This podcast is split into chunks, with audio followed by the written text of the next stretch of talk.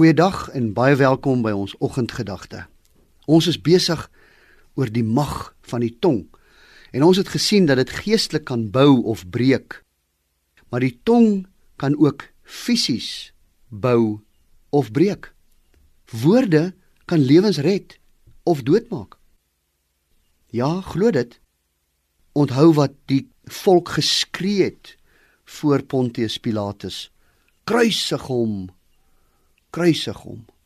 Dit weer galm nou nog in my gedagtes as ek besef van wie hulle woorde het Pontius Pilatus hom oorgegee terwyl hy ook die verkeerde woorde gebruik het om Jesus te laat gesel en te laat kruisig en Barabbas vry te laat.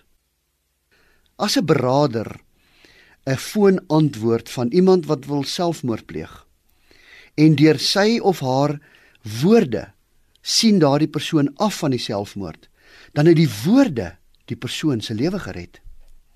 As 'n dokter die regte diagnose gee en die regte raad gee en die pasiënt volg dit en die pasiënt oorleef, het die dokter se woorde bygedra om uiteindelik 'n lewe te red.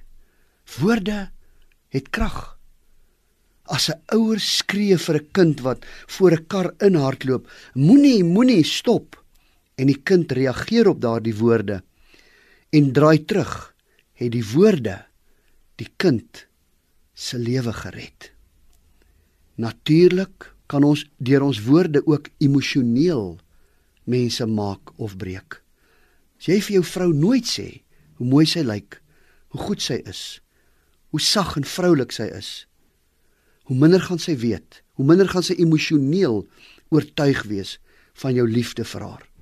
Spreuke 15 vers 4 sê: Kalmerende woorde bring lewe, maar skynheilige woorde breek mense.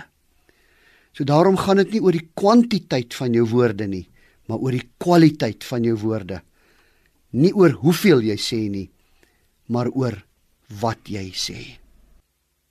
Hemelse Vader, help ons om met ons woorde mense op te bou en nie af te breek nie. Amen.